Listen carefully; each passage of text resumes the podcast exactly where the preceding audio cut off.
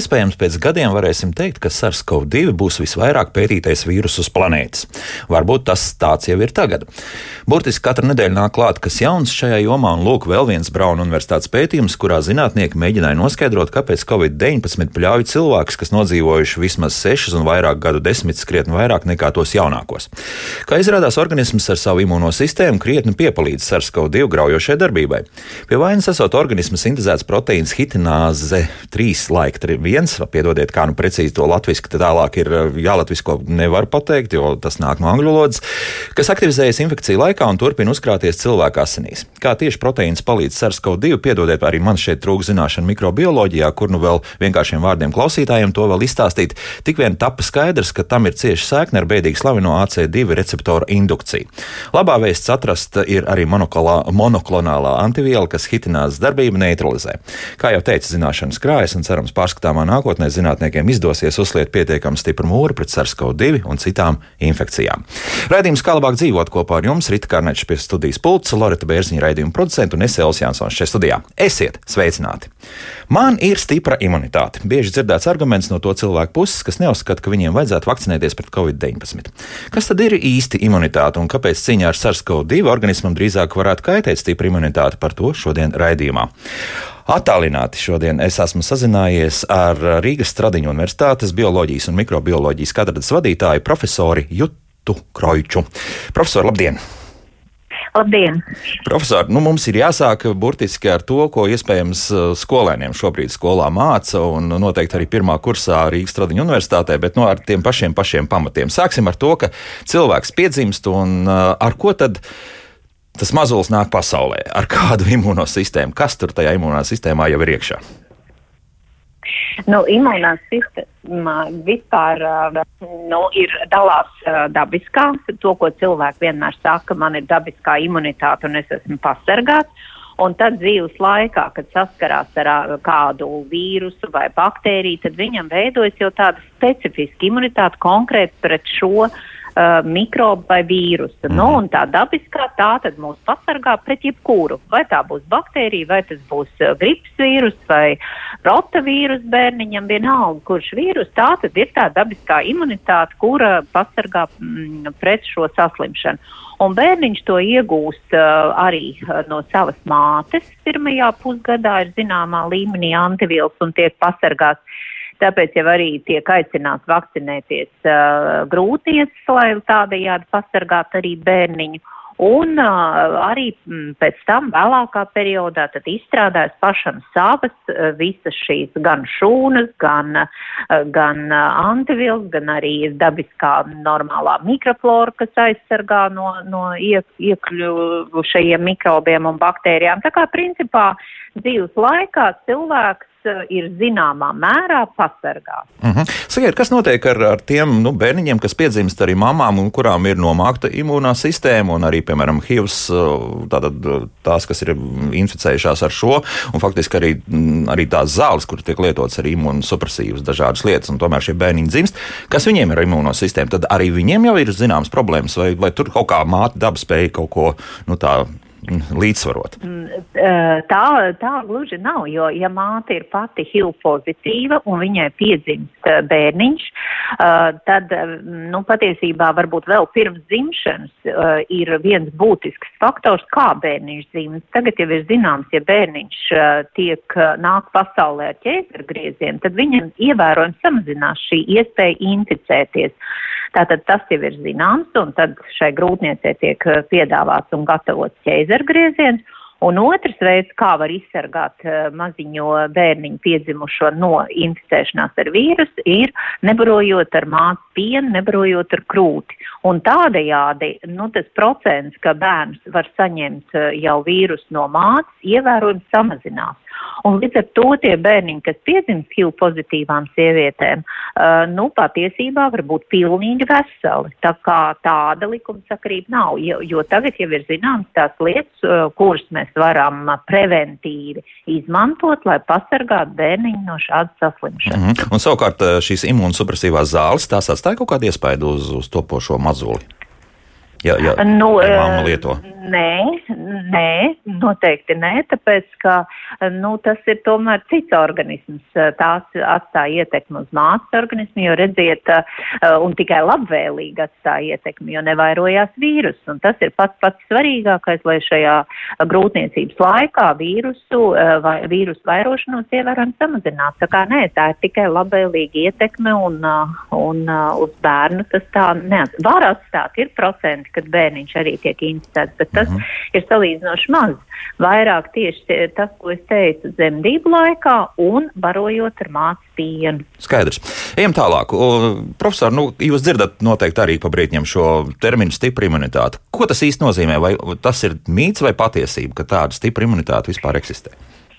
Nu, redziet, par stipru imunitāti vai vispār par imunitāti šobrīd ir jārunā, un visi šie cilvēki ir jādala trīs grupās. Viena ir tā dabiskā, ko mēs dzirdam cilvēkus visbiežāk vecumā no 25 līdz kādiem 65 gadiem. Visi apgalvo, es esmu jauns, arī šie 60 gadīgie, jauns, stiprs, spēcīgs, es noteikti nesaslimšu.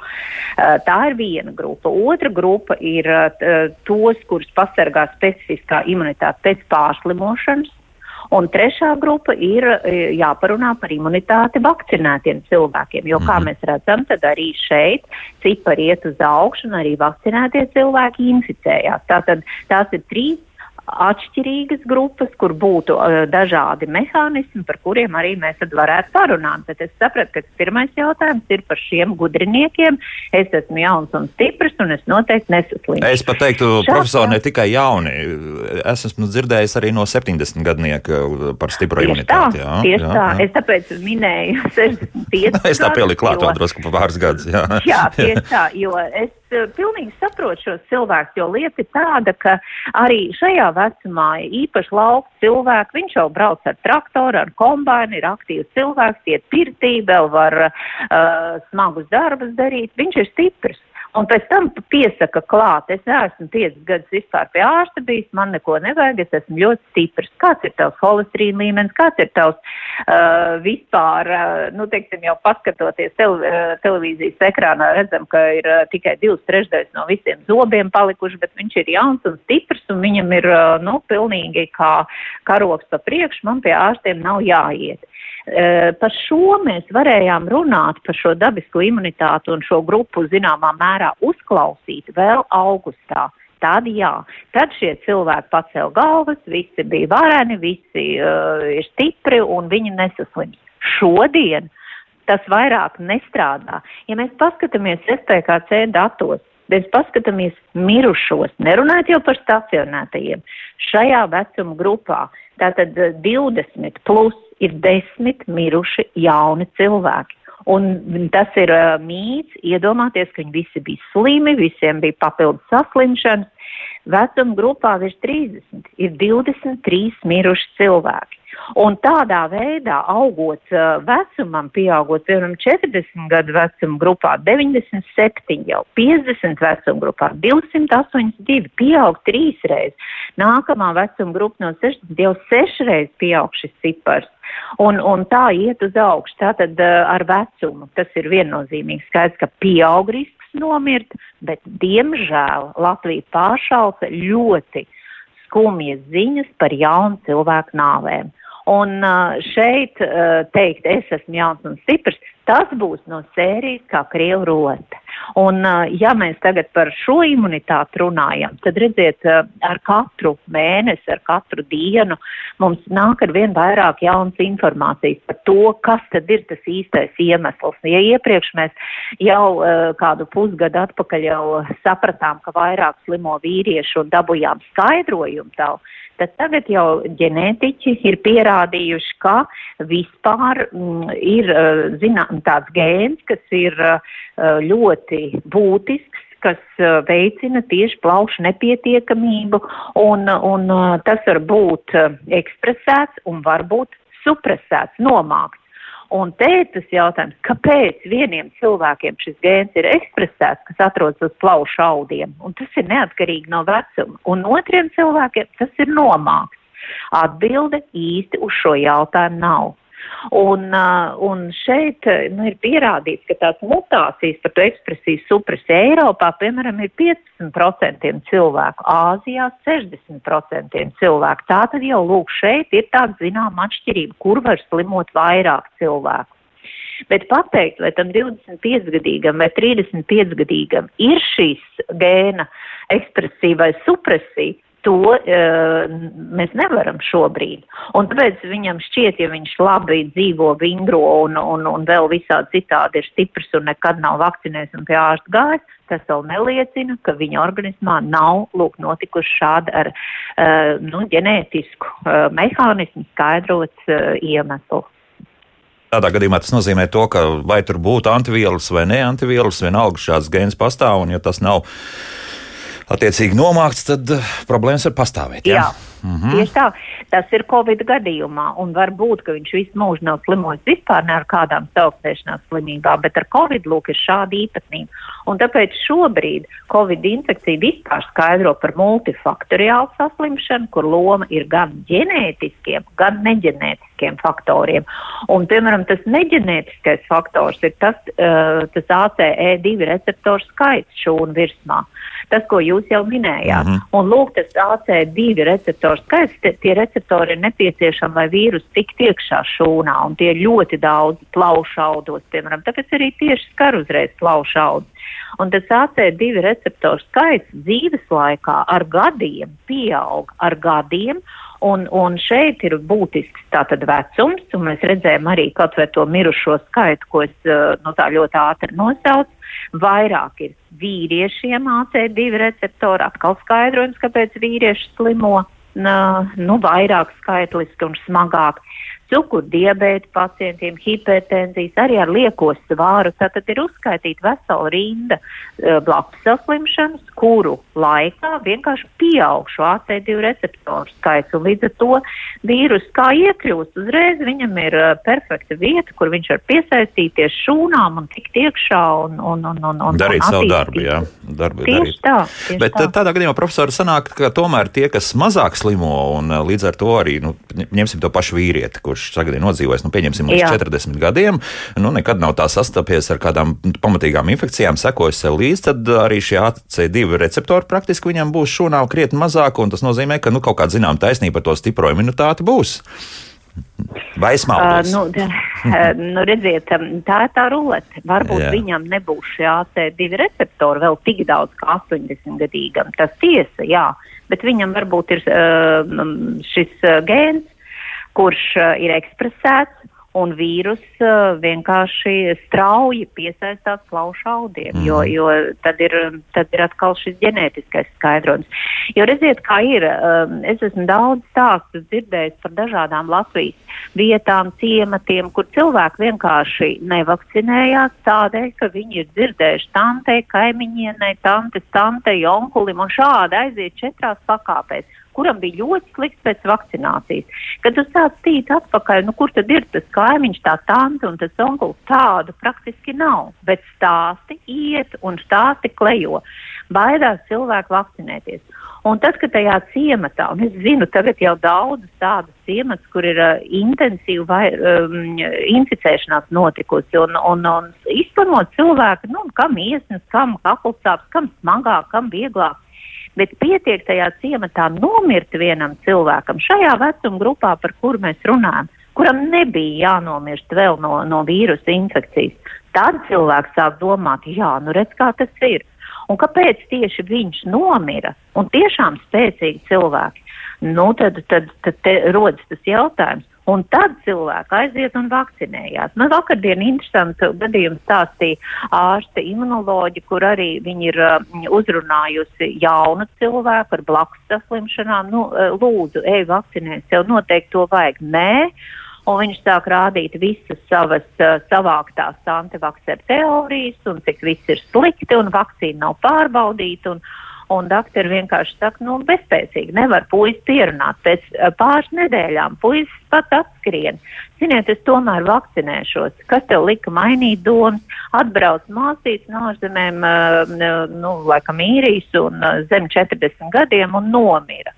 Un saprotiet, ka ģimenē notiek šī nelaime, kad, kad tā mācīca ir nomirusi, nu tad arī viņš maina domas, bet līdz tam piegādā ārstei stāstus, ko es saklausījos Facebookā, pamatā runā cilvēki, kuriem vispār nav nekādas saprašanas par organismu uzbūvi un, un, un arī viņi nemeklē avotus, no kurienes viņš šīs briesmu lietas saklausās. Nu, tas ir skumji. Mhm. -huh. Bet tad, kad nomirst kāds no, no tā ciematiņa vai ģimenes locekļiem, diemžēl, nu tad kaut kā pielāgot. Bet uh, laikam jau te strādā arī tas, ka tā iepriekšējā pieredze rādījusi, nu jā, ir kaut kādas gripas pandēmijas, ik pa brītiņam bijušas arī tās sezonālās gripas, kas mums iepriekšējā sezonā ir izpalikusi. Un liekas, nu jā, nu kāds nu ir paslimojis, kāds ir atkal ticis uh, cauri vispār nekādu neslimojot, pateicoties iespējams vai nu bez kontaktiem, vai, vai tieši otrādi tiešām, ka organisms ir labi nostrādājis un nav ielaidis šo vīrusu, attiecīgi gripas vīrusu. Un, un tad liekas, nu tad jau arī tas pats viss notiks. Nu, nekādas jau lielas atšķirības nav. Kur ir tā nu, būtiskākā nu, lieta, kur, kas atšķiras? Jā. jā. Sāksim ar to, ka Covid nav gripa. Nav gripa, jo gripas laikā mēs nekad neesam runājuši par garo gripu, kad jauniem cilvēkiem sākās uh, gan uh, mentāls problēmas, kognitīvi traucējumi ar vienkāršu lietu izpildīšanu, ožas garšas zudim, matu izkrišana, plaušu problēmas tādas sekas gripas gadījumā, tādā mērogā, kā tas ir Covid gadījumā, nekad nav bijis. Bet uh, parunāsim par pašu vīrusu. Mm -hmm. Tātad, ar ko šis vīrus atšķirās? Uh, sākumā tas bija 20. gadā visu um, nu, gadu līdz Ziemassvētkiem, pagājušā gada Ziemassvētkiem, tātad uh, praktiski gada garumā. Šo vīrusu ne pēc klīnikas, bet pēc vīrusa dabas salīdzināja ar masalu vīrusu. Un masalu vīrus ir nemainīgs. Viens tips ir vakcīna, efektīva, jo vīrus nemainās un viss ir brīnišķīgi. Un tā sākumā uzvedās arī šis vīrus. Un tas ļoti iedvesmoja zinātniekus, nu, kad ir viens uh, vīrus, tikai viens tips un, un perfekti strādās vakcīnas. Un 20. gada nogalē, pirms Ziemassvētkiem, vīrus burtiski, kā zinātnieks saka, satrakojās Un uh, jau pirms Ziemassvētkiem parādījās pirmās tādas ļoti nopietnas vīrusu mutācijas, kas radīja, kas izraisīja tādu vīrusu daudz izteiktāku agresiju. Vīrus labāk piesaistījās šūnām, agresīvāk sākās klīnika, ātrāk nonāca līdz skābekļa atkarībai. Un februārī jau bija septiņas šādas mutācijas izgājušas. Un tagad mēs ļoti labi zinām, bija alfa vīrus, mm, beta, gamma, un tagad jau par deltu mēs runājam. Un, un uh, salīdzinājumam, ja piemēram nu, gripas vīrusā ir mutācijas, mēs zinām, katru gadu ir jauna vakcīna, iesaka īpaši uh, nu, trauslajām grupām katru gadu vakcinēties, lai tikai pasargātu no, no smagajām komplikācijām. Tad šim vīrusam ir četreiz vairāk mutāciju nekā gripas vīrusam. Šeit ir nesalīdzināmi lielumi. Uh, Covid vīrusu gadījumā un gripas gadījumā četras reizes.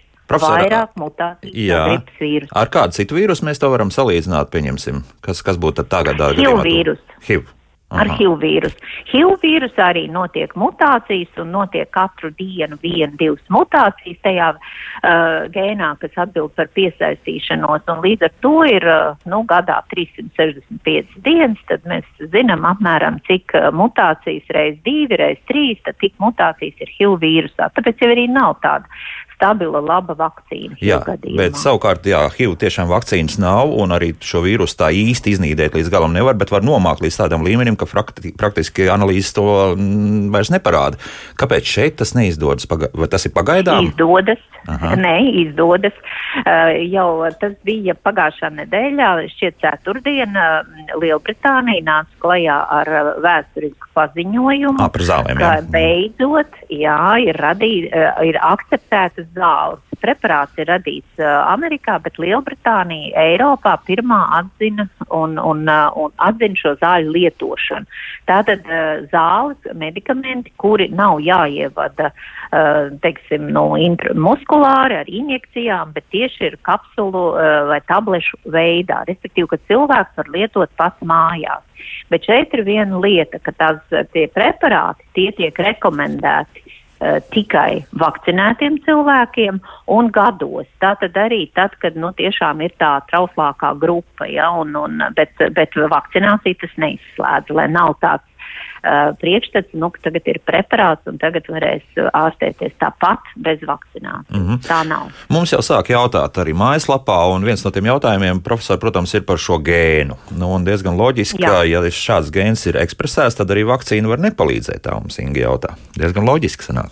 Nē, nav loģika, jo redziet, ir tā, ka vakcīna jau neietekmē gēnus. Vakcīna rada eh, neatkarīgi no tā, kāds ir mūsu ģenētiskais uh, stāvoklis, vai mēs esam Āzijas iedzīvotāji vai Eiropas iedzīvotāji, antivielas un šūnu imunitāti to vakcīna rada.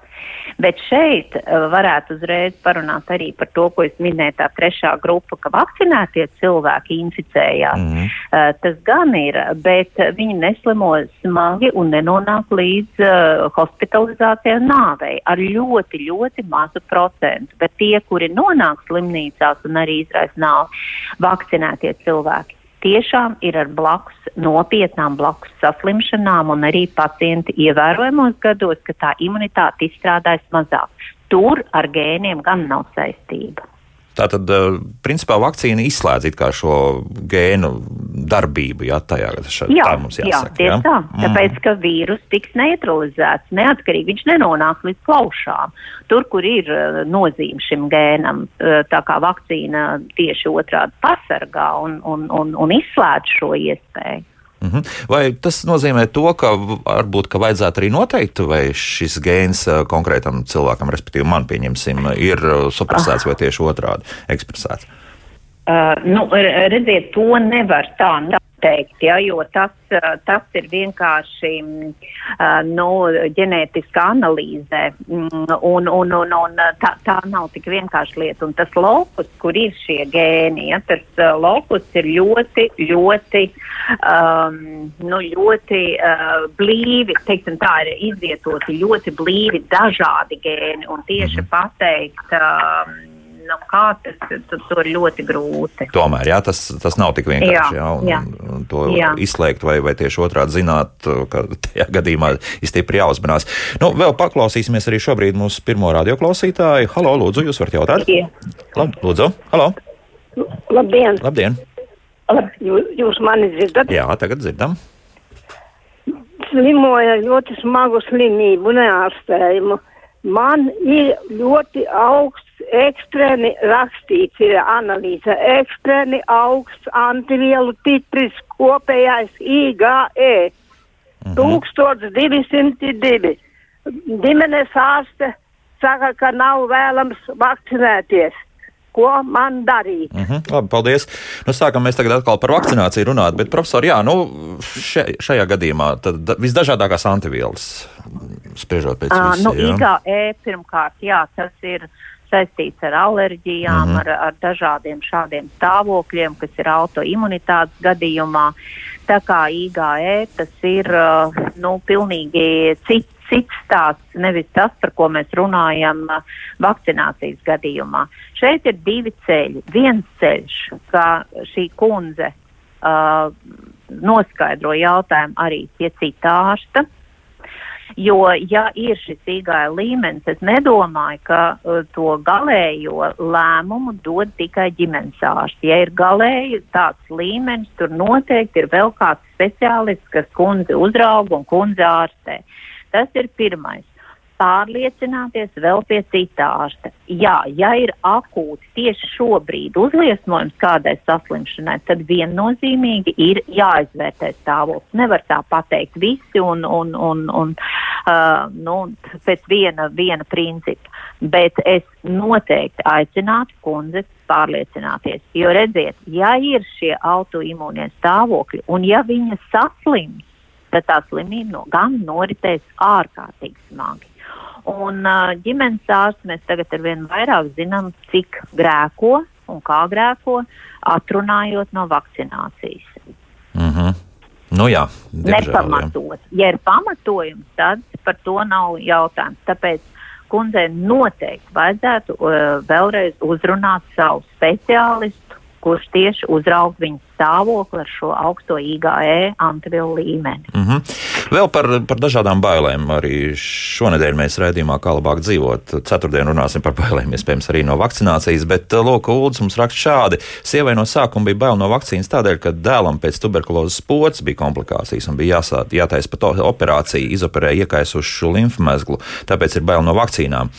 Nu, veiksmīgi pierunāja tomēr vakcinēties. Un, lūk, arī šādas, jā, iepriekšējās pieredzes par to, ka arī tāpat difterija baterijas, pieņemsim, poti, ja, kur, kur, kur blakus parādības ir diezgan riebīgas, teiksim tā, un, un, un cilvēks var uz pāris dienām burtiski izkrist ārā ar ļoti smagām nu, veselības problēmām. Iespējams, ka tas arī rada to, arī šos stāstus par to, ka viss tiek samests vienā lielā katlā, tur tās vakcīnas, un tad, nu, lūk, tā arī viss notiek. Es pil, pilnīgi piekrītu, jā, jo tiek samestas visas četras Latvijā reģistrētās vakcīnas vienā katlā. Mm, par to es arī labprāt pastāstītu, bet tagad pirmais par tuberkulozi. Tur mm -hmm. ir dzīves novājināts ierosinātājs, dzīva uh, mikobaktērija un bovis baktērija. Un dzīvu baktēriju gadījumā tiešām var būt dažādas šādas komplikācijas. Un, starp citu, tas, ka palielinās uh, gan sastruto, gan limfmezgla var palielināties uh, tuberkulozes uh, vakcīnu gadījumā, tiešām nav retums. Uh, bet tas nekādā mērā nav saistīts ar šo vakcīnu. Otrs, difterijas, tās ir toksoīdu vakcīnas, tētanusam, difterijai. Tur arī ir nepatīkamas lietas bet šī vakcīna jau tāpēc ir pilnīgi citāda, ka šo vakcīnu gadījumā tādas komplikācijas nav. Un šeit es gribu teikt, arī nav iespējams tās alerģijas, kas ir bijušas, ko cilvēki atzīmē pēc kādas vakcīnas, kas ir nu, tiešām nopietnas bijušas. Ja? Šeit ir pilnīgi cits mehānisms, cits princips, tāpēc tās bailes vajadzētu izslēgt. Uh, Un uh, vispār uh, es tā ar vien vairāk klausoties cilvēku stāstos dzirdu, ka patiesībā nu, tie cilvēki nav antivakseri, izņemot nu, tos dažus, kas vienkārši izplata uh, paši un, un, un, un kopē tos stāstīņus. Bet cilvēks uh, vada bailes un viņš eh, speciāli meklē internetā, Facebookā, daž, dažādos portālos iemeslu, kas apstiprina. Labāk vēl nē, man ir tiešām bailes, un redz, kur tur viens teica tā, un viņš nemeklē, viņam nepielīd tas, ko mēs ar jums te tagad runājam, bet viņam valda bailes. Nu labi, es to oponēšu, jā, bailes, bailes, bet, bet lūk, mums ir uzrakstījusi mūsu radioklausītāja Zanda, un, un lūk, tie skaitļi uzreiz izskatās drausmīgi, jā, jo, piemēram, viņi raksta par to, ka tur pa Eiropas zāļu aģentūra jau ir uzskaitījusi uzskaitījusi aptuveni 1 miljonu blakus parādību pēc Covid-19 vakcīnu injekcijas. Blakus parādības dažreiz ir smagas, piemēram, aptuveni 75 tūkstoši cilvēku ir radušās nopietnas neiroloģiskas sekas. Lūk, un, un, un šādi skaitļi visdrīzāk, es, es, es, protams, šobrīd nespēju pārbaudīt sekundžu laikā, vai tiešām tas atbilst patiesībai, ko mūsu radioklausītāji ir uzrakstījusi, bet ļoti ticams, ka šie 75 tūkstoši arī ir reāls skaitlis. Tikai tad mēs pieliekam klāt, cik tad pavisam ir vakcinēti cilvēki pasaulē? Nu, vakcinēts cilvēks šobrīd ir 7 miljardi. Vakcīnu nu, debats ir iz, izpotēts miljardi. Uh, bez šaubām, katrs cilvēks negrib nokļūt šajā situācijā. Es pilnīgi absolūti saprotu, bet uh, šeit ir jāsaprot uh, nu, tā, tie riski. Es vēl gribēju tad, uh, īsi par to vienu grupu, kas tagad ir uh, vakcinēta mm -hmm. un mhm. slimo. Un, un bieži es dzirdu arī cilvēki, nu tiešām ir uh, jūnijā savakcinējušies, uh, dabūjuši uh, Pfizer vakcīnu, kas ļoti labi strādā, no jūnija vajadzētu strādāt, un jauni cilvēki un saka, ka smagi slimo. Nu, smagi nu, viņa izpratnē ir divas, trīs dienas augsta temperatūra. Protams, ka tas ir nepatīkami. Nespēks, kaula laušana, nu, klasiski tādas augstēšanās simptomi. Ožu un arī, starp citu, pazūdi ir, ir, ir cilvēkiem. Jā, arī, arī ir, jā. Jā, mm. jā, bet tās ir dažas dienas. Un šeit atkal ir variācijas. Vienam tikai kakls sāp, vienam ir uh, vieglāk, vienam ir smagāk. Un parasti atnes bērnu no bērndāža šo infekciju vai no kādas covid ballītes. Bet um, šeit ir jāsalīdzina, bet kā tad būtu šim cilvēkam, ja viņš nebūtu vakcinēts? Šeit atkal būtu tas plašais diapazons. Viņam tik smagi, kā būtu, ja viņš nebūtu vakcinēts, un otram blakus it kā nekas. Arī ja viņš nebūtu vakcinēts, iespējams, viņš arī ļoti viegli pārslimot. Jo šeit jau tā smagā gaita nav visiem, bet nekad mēs nevaram pateikt, kuram tā smagā gaita. Un tagad es gribēju tomēr par vakcīnām, par to vienu katlu. Tātad Latvijā ir četras vakcīnas.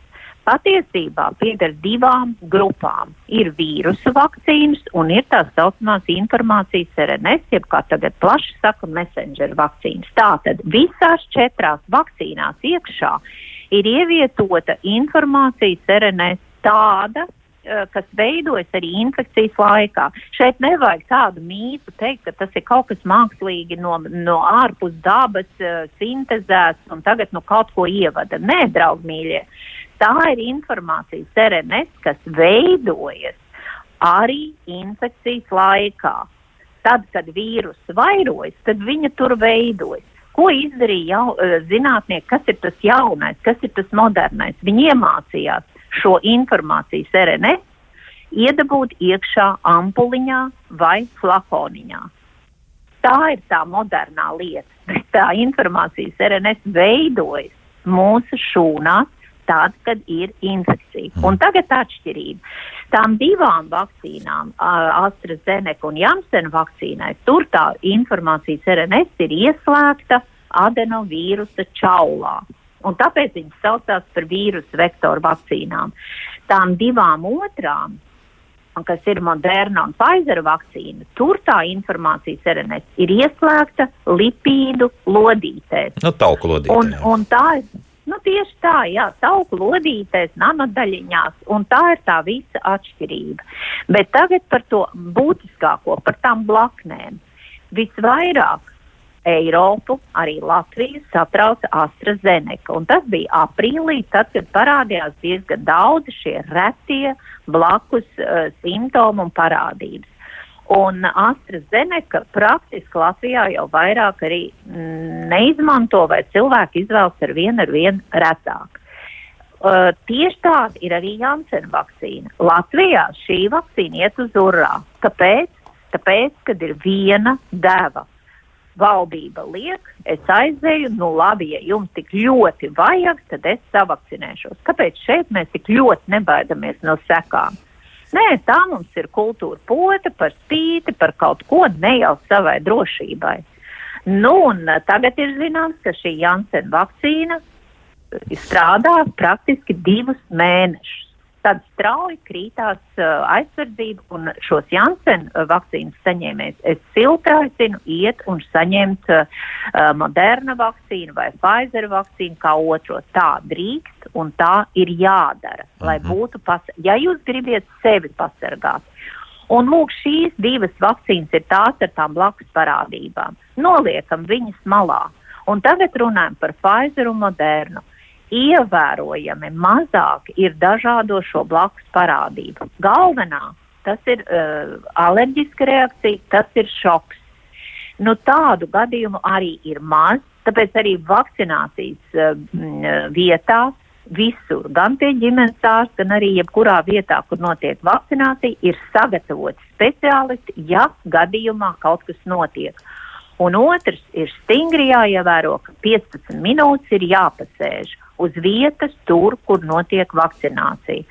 Ja gadījumā cilvēks atzīmē, man bija pēc difterijas pocis, man bija pēc tuberkulozes pocis vai uh, vispār alerģisks uz dažādiem pārtiks produktiem, tad pasēž 30 minūtes. Un es vēl vairāk pateikšu, ja ļoti ir bailes no šīm te alerģiskām reakcijām, uh, pie alergologa var pierakstīties, pārbaudīt, vai nav cilvēkam alerģiska reakcija uz šīm sastāvdaļām, kas ir abās vakcīnās, Pfizer un Modernā. Es pateikšu, ka tur ir tāds pēkpolietilēna glikols, kas ir kosmētikas sastāvā un kas ir daudz medikamentu sastāvā. Un ja cilvēkam ir alerģija uz šo vielu bijusi, tad bez šaubām ir jādomā par citu vakcīnu. Bet ja tāda nav, un, bet ir nepārvarams bailes, aiziet pie alergologa un pārbaudiet. Un tomēr izlemiet par labu vakcinācijai. Uh, otra komplikācija, kas ir pieminēta, tie ir miocardīti. Uh, mm -hmm. Bet uh, tas arī ir apmēram 6 gadījumi uz miljonu, un tas pamatā ir jauniem cilvēkiem, uh, gan uh, nu, pusauģu vecumā, puišiem pamatā un jauniem vīriešiem. Nu, par to ja bailes visvairāk ir vecākiem, jā, tieši par, par šo. Par jā. to jau ir mm -hmm. tas mhm. tāds. Tātad uz ko es vedinu? Ja jums vēl ir bailes no visa šī, kas saucās vienā katlā vakcīnas kopumā, izvēlieties šīs divas Moderna vai Pfizer. Moderna vispār imunitāte ir uz astoņiem mēnešiem. Pfizer gadījumā nu, tā trešā balsdeva būtu jāsaņem īpaši jau riska grupām pēc sešiem mēnešiem. Riska grupām tātad virs 65 gadiem, šobrīd jau izskat virs 50 gadu vecuma. Tās ir divas vakcīnas, kuras ir ar labu noturību arī pret delta variantu un, uh, un komplikāciju risks ir mazs aizmirsties par trombiem, par visu kopā. Tas bija vienā katlā par divām šīm citām vakcīnām. Mm -hmm.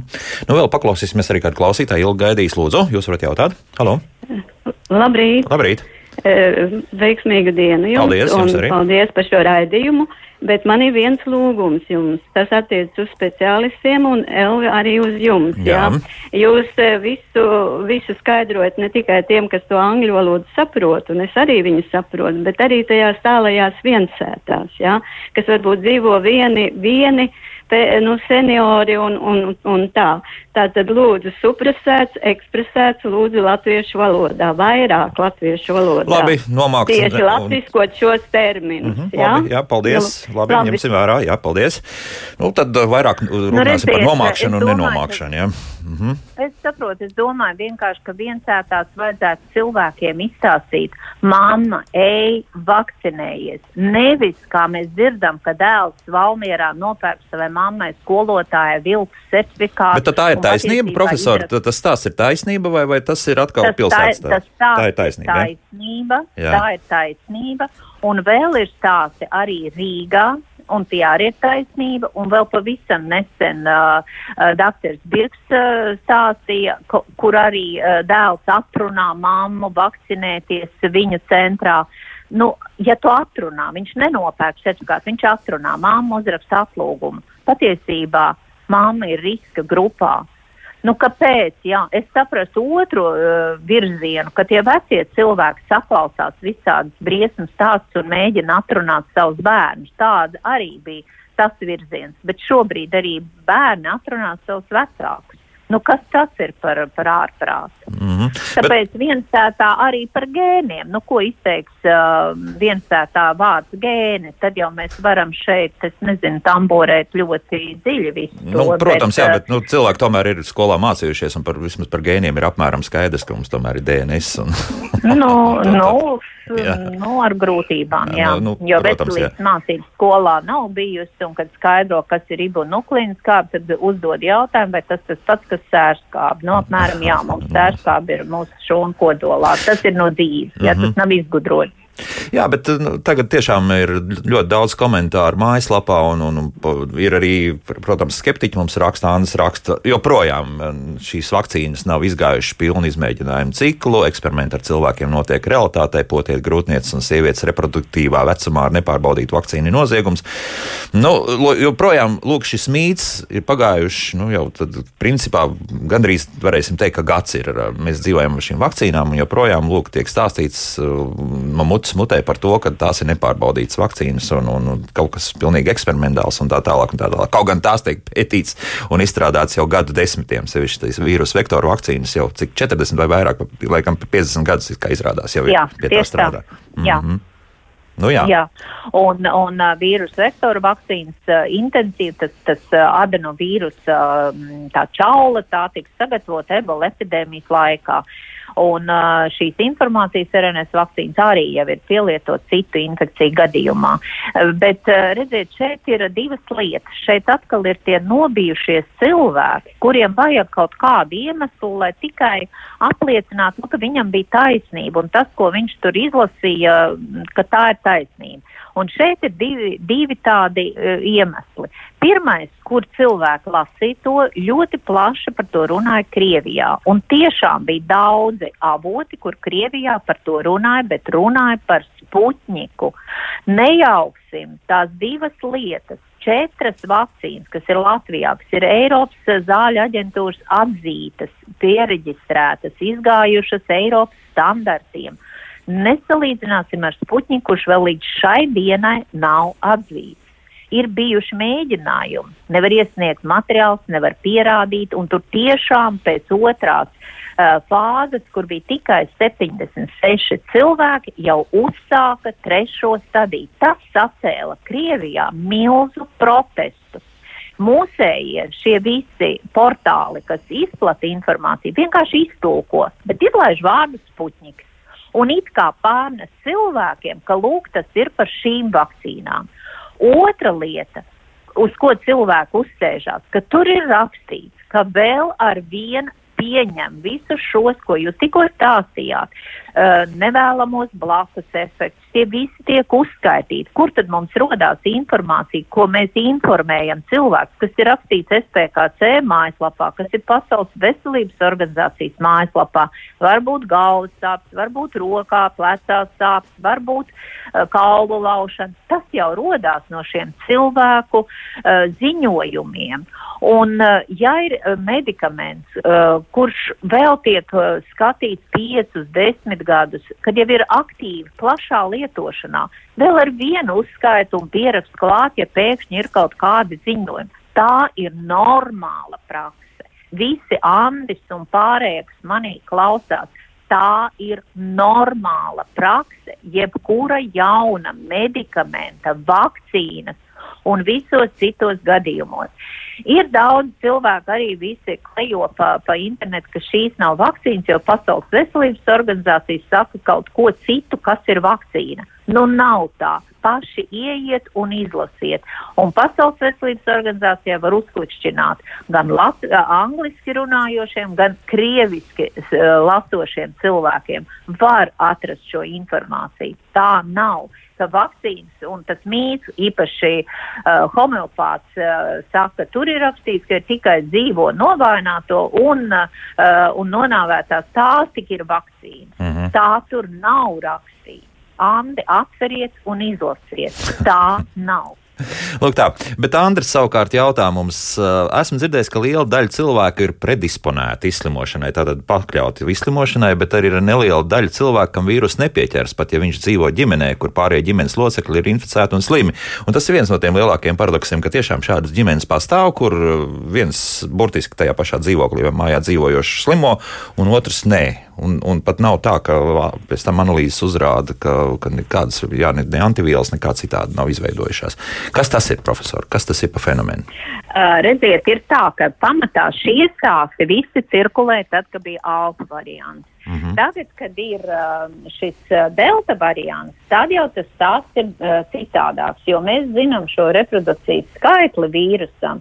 Un, ja alfa variantā viens cilvēks ģimenē, piemēram, kurš uh, saslima, viņš varēja inficēt nu, kādus divus, trīs cilvēkus nu, praktiski divas. Tad šobrīd jau runā par astoņiem, deviņiem cilvēkiem, ko inficē viens saslimušais. Tā kā šeit jau ģimenes locekļi daudz intensīvāk vairojas, un šeit cilvēki aizmirst, ka vīrus ir. Uh, stipri agresīvāks, stipri labāk spēj piesaistīties šūnām, augšējos elpošanas ceļos, ierosināt saslimšanu. Uh, tieši šis reproduktivitātes skaitlis. Bet es gribu pieminēt citu variantu. Ieklausieties, ko stāsta mūsu reanimācijas ārsti, ka slimo, smagi slimo un nomirst vienas ģimenes locekļi. Un šeit ir tiešām atkal apstiprinājums tam, ka iespējams tur ir tā ģenētiskā lieta, par kuru mēs uh, raidījuma sākumā runājām. Mm. Kāpēc Latvijā izskanēja ar šausmām stāsts par diviem brāļiem, kas nomira, kuriem nebija jānomirst 20 gadu vecumā, 20 plus, par tēvu un meitu, kas nomirst. Tagad jau tāda ir vairāk, kur māte un meita, tālāk tante un vēl kaut kas. Tur ir iespējams šie gēni, kas tiek pārnesti. Ir ģimenes, smagi slimo ģimenēm. Vienā paveicās, tur varbūt ir šī uh, neuzņēmība vai rezistence, un otrā ir lūk tieši pretēji un šādi atkal tā ir rulete. Nevienai ģimenei nav pateikts, tu slimos tā vai tu slimos šādi. Vai tas ir kaut kas unikāls? Nē, līdzīgi gadījumi ir arī, piemēram, ar HIV vīrusu, ja mēs tā vēlkam paralēls, un tas jau bija tālajā 1995. gadā, kad atklāja, ka tiešām pasaulē, un tie bija pirmie astoņi gadījumi, kad uzrakstīja, ka cilvēki ir rezistenti, viņi neslimo, neinficēs ar HIV. Un uh, sāk šo cilvēku pētīt un atrada, ka viņiem tiešām trūkst viens uh, šūnu virsmas receptors, vīrus nespēja iekļūt šūnā. Iespējams, ka mēs arī runāsim, jā, pēc gada vai vairāk, nu kāpēc, kāpēc mēs skaidrosim. Tā, Tas jau nāk ar laiku. Jā, mēs pieļaujam, ka šis AC2 un, receptors un, kādam varētu arī šūnā nebūt. Tiešām tā varētu būt. Uh, varbūt, jā. varbūt mm -hmm. jā. Viņa na, ļoti maz ir bērniem, tāpēc bērns slimo vieglāk, un jā. ar gadiem viņi pieaug. Bet, nu, jā, mums ir kaut kas, uh, nu, es nevaru to vārdu vairs latviešu piemeklēt, kas nepatika kundzei, ja, supresēt, ekspresēt. Nu, nomākts, ne, vai, vai tieši otrādi, nu, jā? Acīm redzot, nu, gluži jau mm -hmm. nē, bet, nu, varbūt, jā. Uh, bet uh, par to mēs iespējams runāsim vēl pēc uh, gadiem, jā, tā kā uh, te es gribu atgādināt visiem tiem, kuriem nenormāls, nepārvarams bailes no vakcīnas, ka nevis vakcīna ir eksperimentāla, bet šī slimība ir eksperimentāla. Mhm. Jo tas, kas būs pēc gadiem, tas mums līdz galam vēl nav zināms. Jā, profesor, tagad. Parād... Jā, jā, jā, jā, jā. Lūdzu, papaidziet lūdzu domu, jā. Es gribēju tikai pateikt, ka parādās ar vien vairāk publikācijas par to, ka uh, vīriešiem, kur smagi izslimo šo infekciju un arī vieglākā formā izslimo, uh, ievērojami samazinās par 90% testosterona līmenis. Tātad šis vīrišķais hormons Un uh, rezumē ir, ka iespējams pēc gadiem desmit būs ļoti daudz neauglīgu cilvēku paudzes, respektīvi ar uh, hipogonādismu, svešvārdā vienkārši varbūt teikšu einuhi. Tātad uh, spermatozīdi nu, vienkārši nekustēsies. Ja? Tieši tā. Nu. Tieši tā. Uh, tā, tagad, profesor, mums ir divas minūtes. Milzīgi daudz jautājumu mājaslapā. Uh, ja es varētu lūgt ļoti, ļoti īsi, burtiski pāris teikumos, ja ātri uz katru jautājumu atbildēt. Nu, pirmkārt, Vladimirs mums raksta, tas tepat nav ko komentēt, lai kāds, kas baidās no blaknēm, nosauc kaut vienu zāles, kurās nebūtu rakstīts par to, cik dažādi blakņi ir desmit, simt tūkstoši un desmit tūkstoši un tā tālāk cilvēkiem. Protams, blakņu saraksts, jebkuras zāles paņemot, tur ātri vien pārstāja kādu vēlmi šādu zāles lietot. Jā, nu tā, tā tas ir. Trāpīts desmitniekā mm -hmm. Vladimiram Bingo. Jā. Tālāk. Uh, apgalvojumi par stipro imunitāti ir tikpat fantastiski kā konspiroloģiskās teorijas par medus veselīgumu un citas pasakas un mīti par šo tēmu. Nu, jā, jau tik, tik treka nav, med, medum ir tiešām ir arī savas labās un pozitīvās īpašības. Um, Sāns mums jautā par gripas tipu. Šobrīd jau ir kaut kas zināms, un vai šī brīža vakcīna derēs, jo šā tad ir tā, ka mēs nezinām, kas notiek. Kas ir, kas ir dzirdams jā? Šī brīža vakcīna ir atšķirīga no pagājušā gada. Gripa arī Āzijas pusvodē hemisfērā bija mazāk izplatīta, bet nu, tos vīrusus, kurus tad atšifrē, tad tie jau ir tagad vakcīnā un ir uh, Latvijā pieejama tetra vakcīna vai kvadri, kur ir četri šie ierosinātāji. Tie ir, divi ir pilnīgi atšķirīgi no iepriekšējā. Tā kā, jā. Uh -huh, uh -huh. Ko darīt mājas apstākļos? Ārstēt 70-gadīgu cilvēku ar covid, kurš vakcinēts, starp citu, bet jau pašā sākumā nepatīkams klepus. Temperatūras nav, jo pie saslimšanām vispār kopumā šim uh, kungam temperatūra uh, tikpat kā nesot. Vai kāds ieteikums? Nu, es, es ļoti domāju, ka šim kungam neattīstīsies smaga infekcija, bet noteikti ir jāsazinās ar ģimenes ārstu un noteikti šeit ir arī uh, oksimetrs nepieciešams un sekots kābekļu saturācijai, tāpēc, ka gadi un nepatīkamais kleps jau sākumā, tas tomēr liecina, ka, ka nu, varētu būt arī smagāk, tāpēc obligāti ir ģimenes ārsta uzraudzībā. Mm -hmm. uh, esmu vakcinējusies, bet man arī citiem arī citām paziņām ir līdz kaklam katru vakaru TV skatīties tos adats dūrienus. Esmu dzirdējis, ka tas tieši atbaida. Jums tā arī liekas?